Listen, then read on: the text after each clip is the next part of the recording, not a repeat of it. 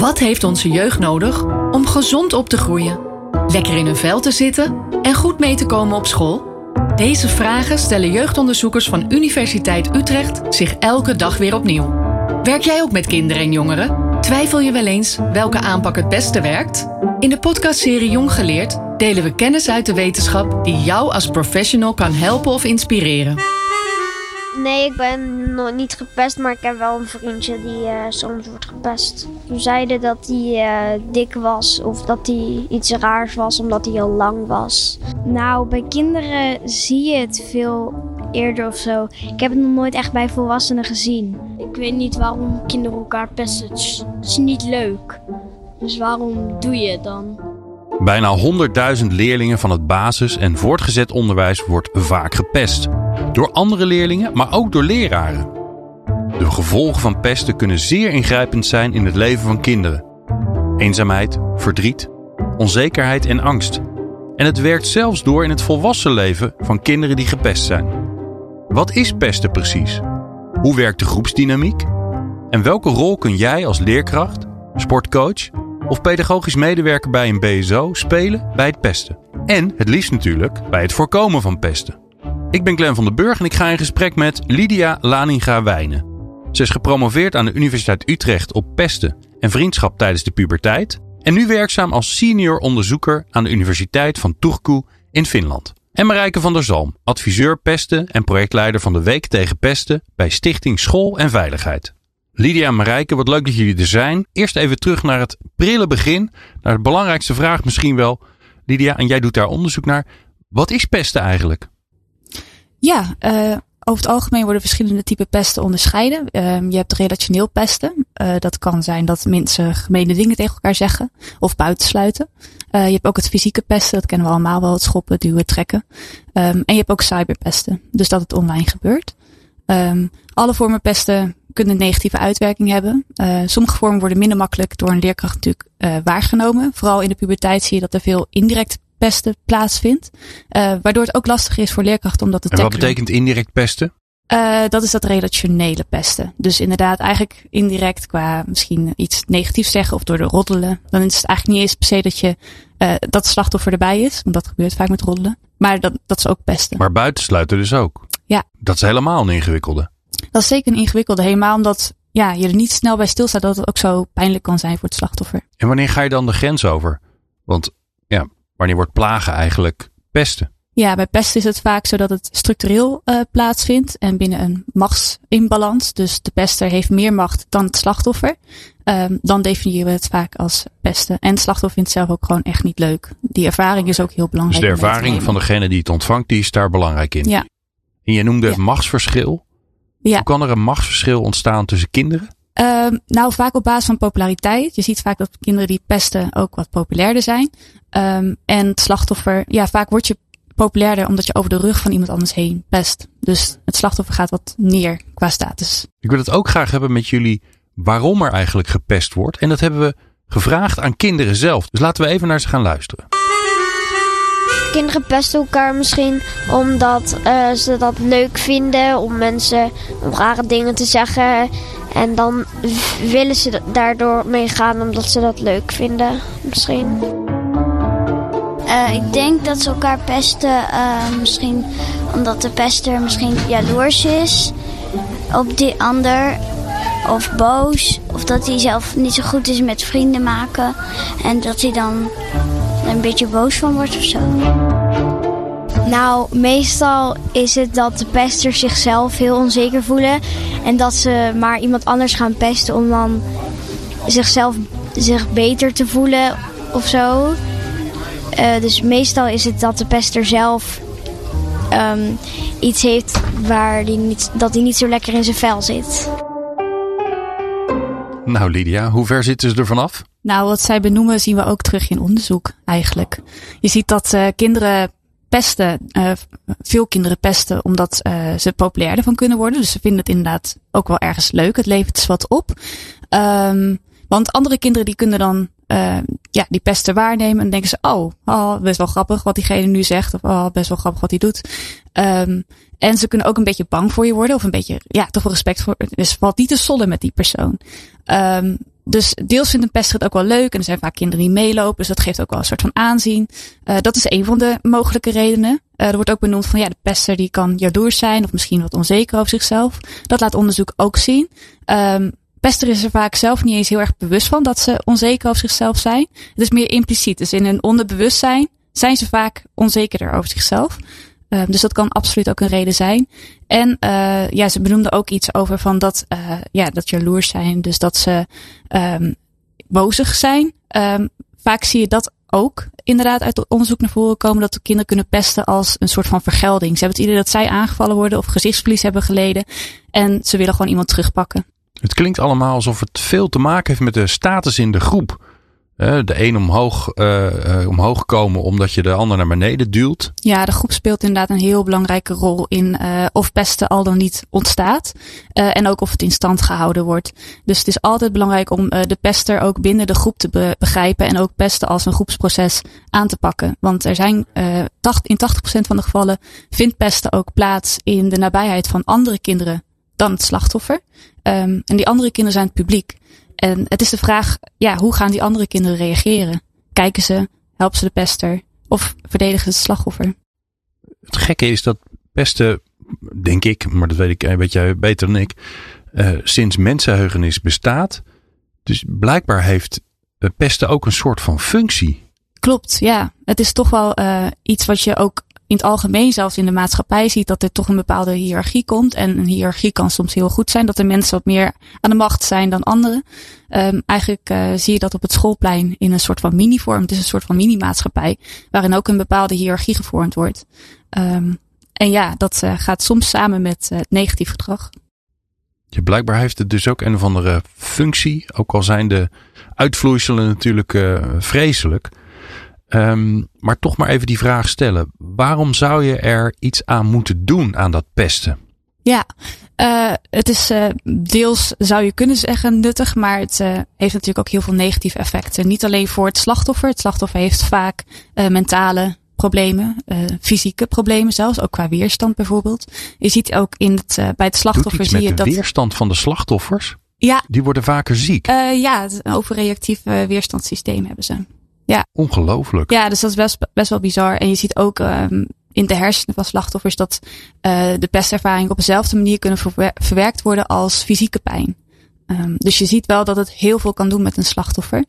Uh, ook op latere leeftijd, uh, dat ze um, dus inderdaad minder succes hebben op uh, verschillende gebieden. Maar niet alleen op het slachtoffer, ook op de pesten zelf. zie je toch eigenlijk dat wel kinderen die pesten lang niet altijd beter af zijn. Ook niet in hun volwassen leven. Um, dus voor hen is het misschien ook een zaak om het te stoppen, uiteindelijk. En ook voor degene die het waarnemen, die in een negatievere klassensfeer zitten. Marijke, je geeft hier advies over. En sterker nog, je organiseert ook de week van het pesten. Waarom is het zo belangrijk om hier stevig op in te zetten? Dat heeft natuurlijk te maken met de veiligheid van kinderen. Dat je wil dat uh, elk kind zich veilig kan voelen op school. Uh, elk kind verdient dat, heeft daar recht op. En daar moeten we uh, ja, ons met elkaar ook hard voor maken. En zeker, nou, Lydia vertelde het net, de ernstige gevolgen, gevolgen die pesten heeft. zeker ook op latere leeftijd. Dat moeten we natuurlijk gewoon met elkaar zien te voorkomen. Nou ja, we organiseren inderdaad die mooie week tegen pesten um, in september. En dat is ook niet. Elk jaar? Elk jaar, ja. We doen dat al uh, heel veel jaren. En juist in september, uh, begin van het schooljaar, omdat dat ook echt de periode is waarin je stevig in moet zetten op je groepsklimaat.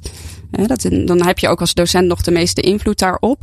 Dus juist, nou ja, begin van het schooljaar, dat zal Lydia zo meteen ook nog wel heel mooi kunnen aanvullen. Dat komt ook uit onderzoeken naar voren, dat je dan echt die normen met elkaar bepaalt. Dus op het moment dat je die groep bij elkaar voor het eerst. Dan ga je die vormen, dan krijg je dat verhaal van die hiërarchie en welke positie heb ik in een groep. En juist dan moet je daar, uh, moet je daar goed op sturen.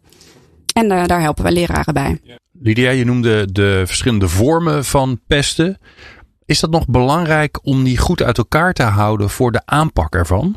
Uh, ja, het is wel inderdaad uh, belangrijk om bijvoorbeeld bewust te zijn dat pesten dus lang niet altijd zichtbaar is. En ook inderdaad dat het, vooral dat cyberpesten, dat gaat dus 24 uur lang achter elkaar door. En al, ja, je hoort ook wel eens dat docenten dan denken van ja, nou ja, dat gebeurt dus allemaal buiten school. Dus ja, wat kan ik daar nou precies aan doen? En is dat überhaupt mijn taak? Um, maar het wil wel dat al die kinderen natuurlijk wel weer um, ook na schooltijd ermee geconfronteerd worden en ook weer later mee terugnemen naar school. Dus we zijn wel altijd uh, er heel erg op dat ook dat stukje pesten meegenomen wordt en begrepen wordt. Lydia, je gaf net aan dat uh, 80% van het pesten gebeurt in een groep.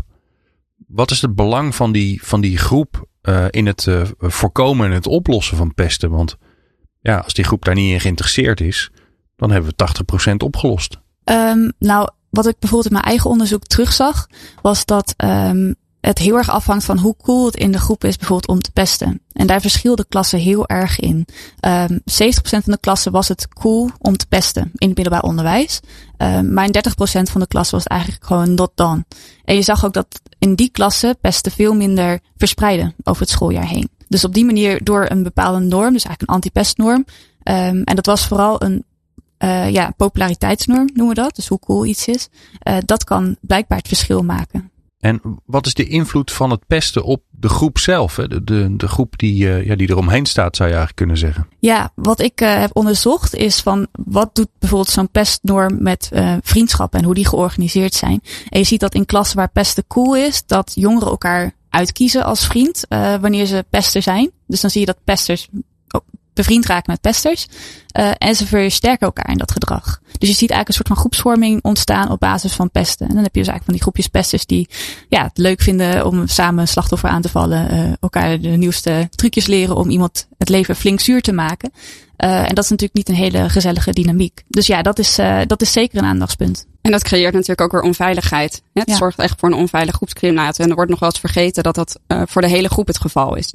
Dus niet alleen voor de pester en het slachtoffer, maar dat ook nee, alle kinderen die daar omheen staan, uh, daar ook last van hebben. Het heeft natuurlijk ook weer effect op de leerresultaten. In een klas waar veel spanning is en onrust, uh, kom je gewoon minder goed aan leren toe. Nu praten we over kinderen alsof dat één groep is. maar er zit natuurlijk enorm veel verschil tussen kinderen. En zeker tussen de leeftijdsfases van kinderen. Maar laten we eerst maar eens even de basisschool en de middelbare school. Of nee, eigenlijk moet ik zeggen het voortgezet onderwijs. Ach ja, zo oud ben ik al. Um, maakt het nog een verschil uit of je um, pesten op de basisschool of pesten op in het voortgezet onderwijs? Ja, er zijn best wel veel verschillen aan te wijzen. Uh, allereerst is het dat het pesten dus wat meer op een relationele, indirecte manier gebeurt. Dus minder makkelijk zichtbaar is. Um, maar ook voor een leerkracht is het op het middelbaar onderwijs gewoon lastiger te tackelen. Um, je ziet leerlingen vaak een uur per dag. Uh, want je geeft natuurlijk een bepaald vak en daarna zijn ze weer overgeleefd aan een andere collega. Um, dus ja, zie dan maar eens een soort stempel op de, op de groep te drukken. Um, bovendien, tijdens de puberteit zijn uh, leerlingen toch wat meer gericht op elkaar en willen ze zich afzetten van volwassenen. Dus nemen ze ook niet meer alles van je aan. Uh, dat past ook heel erg bij de leeftijd. Ze zullen ook misschien minder snel delen dat ze uh, gepest worden of dat ze een negatieve situatie hebben meegemaakt. Omdat ze gewoon meer bespreken met hun leeftijdsgenoten. Um, en Daar ook heb je als het, ouder dus ook last van, hoor ik je zeggen. Ja, klopt. Ook met ouders uh, delen ze wat dat betreft minder. Ben je, wat meer af, je bent als ouder ook echt afhankelijk van wat wil mijn kind uh, met mij delen. Maar ook het schoolsysteem, um, dus zeg maar uh, de schoolcultuur, uh, kan een, uh, een rol spelen. Je ziet dat bij basisonderwijs vaak is dat er een wat kleiner team is natuurlijk. Want je hebt ja, niet heel veel leerkrachten nodig. En die kennen elkaar goed, die werken goed samen. er is ook echt zo'n shared decision making. Ze maken samen besluiten. Dus één team, één taak, een visie van hoe tackelen we het beste. Precies. Ja, heel close. En um, onderzoek heeft laten zien dat dat bij middelbaar onderwijs of voortgezet onderwijs uh, veel minder het geval is. Um, en dat is ook lastiger te bewerkstelligen daar. Je hebt een veel groter team. Um, soms hoor je zelfs vanuit de praktijk dat er een soort van competitie is. Uh, dat de ene leerkracht zegt van, oh, heb jij problemen met die groep? En zegt, uh, ja, ik heb er helemaal geen problemen mee. Maar dus dat, dat je dan toch ook wel een beetje die vergelijking krijgt. Lang niet op elke middelbare school zo. Maar uh, je hoort het voorbij komen. En dat is natuurlijk wel een uitdaging om, om alle neuzen dezelfde richting op te krijgen. En dat kan ook de implementatie van antipestprogramma's bemoeilijken. Ja. Laten we naar de oplossingen gaan. Um, ik kan me heel goed voorstellen als je naar, uh, naar deze podcast luistert en um, je staat inderdaad uh, wekelijks of dagelijks midden in zo'n groep uh, jongeren als volwassenen of kinderen. Um, ja, wat, wat, wat kun je dan doen om ervoor te zorgen dat je, dat je het voorkomt of dat je het oplost? Dus en, en, en waar begin je dan eigenlijk, Marijke? Uh, wat mij betreft begint het uh, bij ook bewustwording uh, van je eigen houding en reflectie op jezelf. Um, als begeleider van een groep of als leerkracht heb je gewoon een hele belangrijke voorbeeldfunctie. Dus betekent dat ja, hoe jij je gedraagt, jouw houding, de uitspraken die jou doet over leerlingen uit jouw groep, uh, dat je daarmee het voorbeeld geeft. En uh, nou, je noemde net aan het begin van de podcast ook al dat nou ja, leraren soms ook meepesten, uh, zich daar ook niet altijd bewust van zijn. We hebben dit jaar als thema voor de week tegen pesten, grapje moet toch kunnen. Ja, leraren maken ook grappen en ben je je altijd bewust van nou ja, hoe jouw grap overkomt op je leerlingen. En misschien ja, doe jij, kwets jij onbedoeld ook wel iemand. Dus nou ja, wat mij betreft begint het altijd met die bewustwording en uh, je eigen voorbeeldrol. En dit is nou juist volgens mij zo lastig, want ja, die kids die vinden het ook leuk als je een beetje met ze dolt. Maar ja, wanneer houdt dollen op en begint het vervelend te worden? Um, ja, is daar iets van een tip over te geven? Is daar een, een, een grens, een, een, ja, iets wat onze luisteraars kan helpen daarin? Nee, dat is natuurlijk ook altijd heel subjectief. Wat de een leuk vindt, vindt de ander misschien niet leuk. Dus dat maakt het altijd lastig. Dus ik denk dat het heel belangrijk is dat je daarom altijd dat gesprek hebt. En, en betrek je leerlingen daar ook bij. Hè? Dus check regelmatig hoe vind je dat ik het doe? Wat gaat er goed? Wat gaat er niet goed? Dus zorg ook dat je input krijgt van je leerlingen. En dat je. Nee, het is toch belangrijk dat je dan een sfeer van veiligheid weet te creëren in je klas. Hè? Waarmee kinderen wel dingen durven zeggen. Er is een heel, heel mooi voorbeeld van een, van een leerling die ooit een laadje in de brief bij een leraar heeft gedaan. Uh, en inderdaad met, uh, zou je minder grapjes willen maken? Want ik kan me ook niet altijd concentreren en nu maak ik veel te veel grapjes. En, dus het heeft toch alles weer te maken met nou, de, de relatie die jij als leerling met je groep hebt. En de, de basisveiligheid die jij weet neer te zetten. Of kinderen ook dingen tegen jou durven te zeggen. Nou, we hebben de kinderen zelf ook gevraagd. Uh, wat kun je nou doen aan pesten zelf? Of wat gebeurt er op je school? Dus laten we even naar ze luisteren.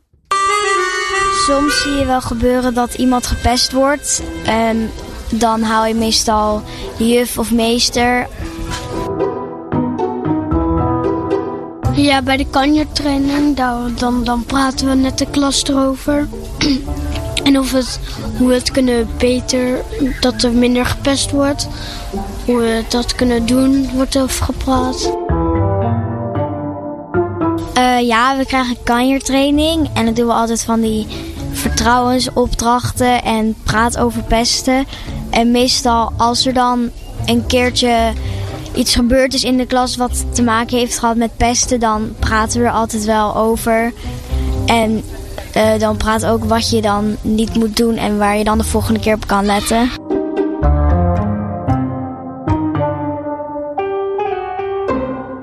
De eerste leerling die we hoorden, die zei ik haal de juf. Wat is de rol van kinderen zelf bij, uh, bij pesten? Ja, nou, kinderen kunnen op verschillende manieren uh, een gepest kind verdedigen of helpen. Uh, een van die vormen is inderdaad dat ze naar de leerkracht gaan. Uh, ze kunnen natuurlijk ook ervoor kiezen om misschien tegen de pester op te staan. of misschien het slachtoffer te troosten. Um, en momenteel ben ik bezig met onderzoek om te kijken van helpt dat wel als iemand anders, als kinderen elkaar proberen te verdedigen. Want je zou denken van nou dat is hartstikke mooi, ze staan voor elkaar op. En uh, eigenlijk is het natuurlijk ook iets, een soort van burgerschapsvaardigheid die je aan wil leren. Je wil dat mensen ook voor elkaar leren opstaan uh, als er gediscrimineerd wordt of als iemand onjuist behandeld wordt. Um, maar wat we vanuit onderzoek ook zien is dat uh, het lang niet altijd de gewenste resultaten heeft als dat we zouden. Ja. Is dat wat je nu ziet in je, in je onderzoek? Tenminste in de voorlopige resultaten daarvan? Nou, je ziet vooral dat het niet veel effect heeft. Dus je, wat ik in één onderzoek heb gevonden is dat kinderen die gepest zijn en verdedigd worden, dat ze zich wel wat meer betrokken voelen bij de groep. Uh, maar voor de rest zijn ze niet minder depressief of hebben ze niet meer eigenwaarde of zo. Dus je ziet eigenlijk dat het, ja, eigenlijk zou je willen zeggen van, het is goed dat kinderen voor elkaar opstaan, maar blijkbaar kunnen we nog heel veel leren van hoe kunnen ze dat op de meest effectieve manier doen. Hoe, en hoe kun je dat potentieel vergroten. Ja, maar dan maakt het waarschijnlijk uit of je um, een arm om iemand heen slaat en zegt ik vind je wel lief. Of dat je opstaat tegen de pester. Want ja, eigenlijk zijn dat twee totaal verschillende interventies. Precies. En daar weten we eigenlijk nog heel weinig vanaf. Van welke manieren van verdedigen zijn nou het meest effectief. En wat kunnen kinderen nou het beste doen in welke situatie. Of bij wat voor soort pester. Um, dus daar, uh, ja, daar ga ik de komende jaren onderzoek naar doen. Marijke, wat is volgens jou uh, de rol van kinderen zelf? Wat kunnen ze doen?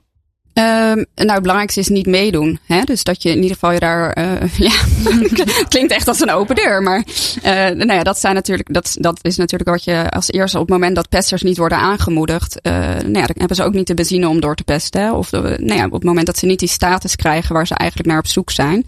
Um, dus nou ja, dat is eigenlijk al een hele belangrijke stap.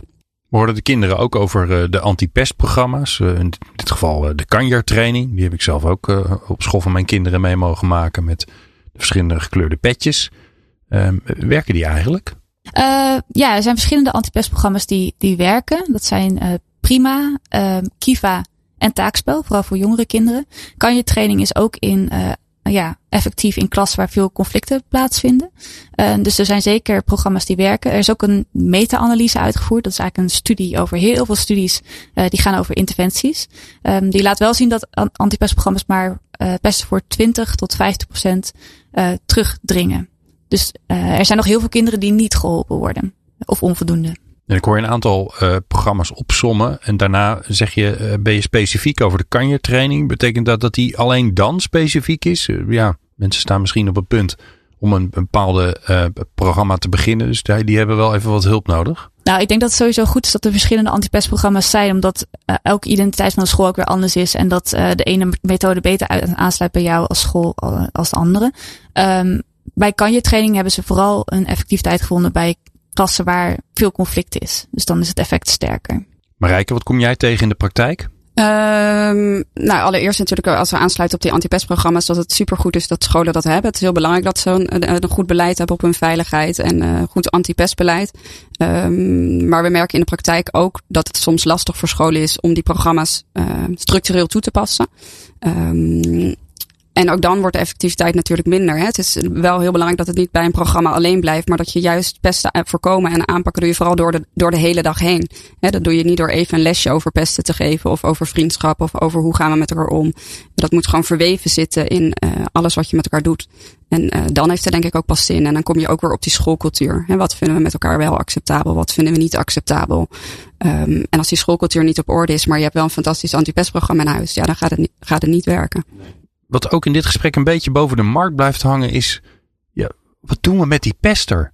Want die is toch de oorzaak van, uh, van de ellende. Uh, ik snap, het is een kind, maar ja, wat, wat in het meest extreme geval als je die pester uit de groep haalt en die is weg, lost het dan op? Uh, hele interessante vraag. Op het moment ben ik daar ook mee bezig qua onderzoek. Je hebt eigenlijk twee algemene methoden die wij nu aan het onderzoeken zijn van hoe je een pester kunt aanspreken. Want als je inderdaad dus ziet van hé, hey, er wordt gepest, dan kun je uh, gesprekken aangaan met zowel het slachtoffer en uh, later ook met de pester.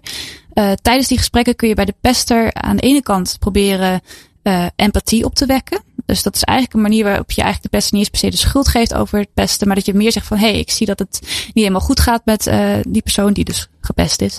Um, en dat je dan zegt van joh, hoe kunnen we nou met z'n allen ervoor zorgen dat die persoon zich wel fijn voelt eh, in de klas? En heb jij daar nog een idee over? Op die manier eigenlijk gaat het om empathie opwekken en niet de schuld bij de pester te leggen. De andere manier is om echt te zeggen van joh, jij hebt gepest. Ik weet dat jij dit hebt gedaan, maar het kan niet door de beugel. Uh, dit moet gewoon nu stoppen. Precies, dus meer zo'n disciplinerende methode.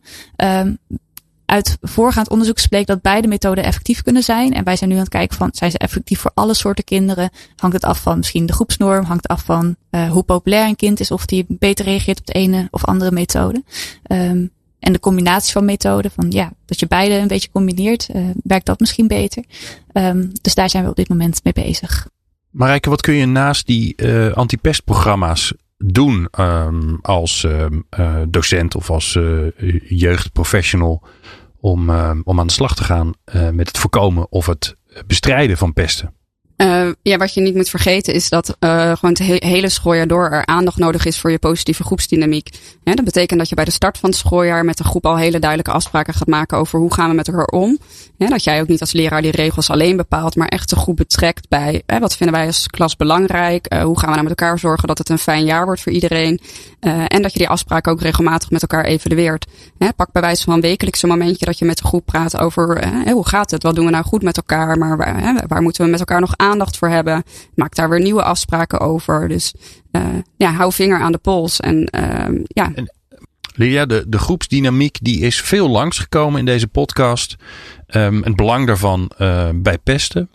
Heb je een tip voor luisteraars die denken, ja, maar daar wil ik eigenlijk wel meer van weten? Nou, ze zouden natuurlijk de samenvatting van mijn proefschrift kunnen lezen. Dat is in het Nederlands. En uh, dat is wat toegankelijker. Dus ik denk dat dat wel leuk is. Want dat gaat, en ook van andere proefschriften, daar heb je vaak een samenvatting van. En dat is gewoon wel het meest up-to-date van ja, het onderzoek wat nu uitgevoerd is. Nou, we zullen een um, linkje in de show notes opnemen naar uh, jouw proefschrift, Lydia, voor, uh, voor onze luisteraars. Zijn er masterclasses bij jullie, Marijke, die, uh, die onze luisteraars kunnen volgen? Ja, dat staat altijd wel op de agenda in conferenties, maar straks ook weer in de week tegen pesten. Maar ik zou ze ook heel graag naar onze website willen verwijzen. Zeker als ze meer willen weten over pesten. Daar hebben we heel veel informatie op staan van wat kan je in de klas, wat kan je met je team, wat kan je in de school. Dus um, als je die ook wil toevoegen. en wat is de URL? Dat is uh, www.schoolenveiligheid.nl. Super. Dank jullie wel voor al jullie uh, mooie inzichten voor dit belangrijke onderwerp. Uh, ja, laten we allemaal ons best doen om uh, het pesten nog veel verder terug te dringen dan, dan dat het al is gebeurd. dankjewel Lydia Laninga-Wijnen van de Universiteit van Turku in Finland. En Marijke van der Zalm, Stichting School en Veiligheid. En jij natuurlijk, dankjewel voor het luisteren. Leuk dat je luisterde. We hopen dat je er wat aan hebt gehad. Wil je meer weten over kind- en jeugdonderzoek of heb je nog tips? Ga dan naar uu.nl/slash jeugd. De podcastserie Jong Geleerd is een productie van Universiteit Utrecht Dynamics of Youth.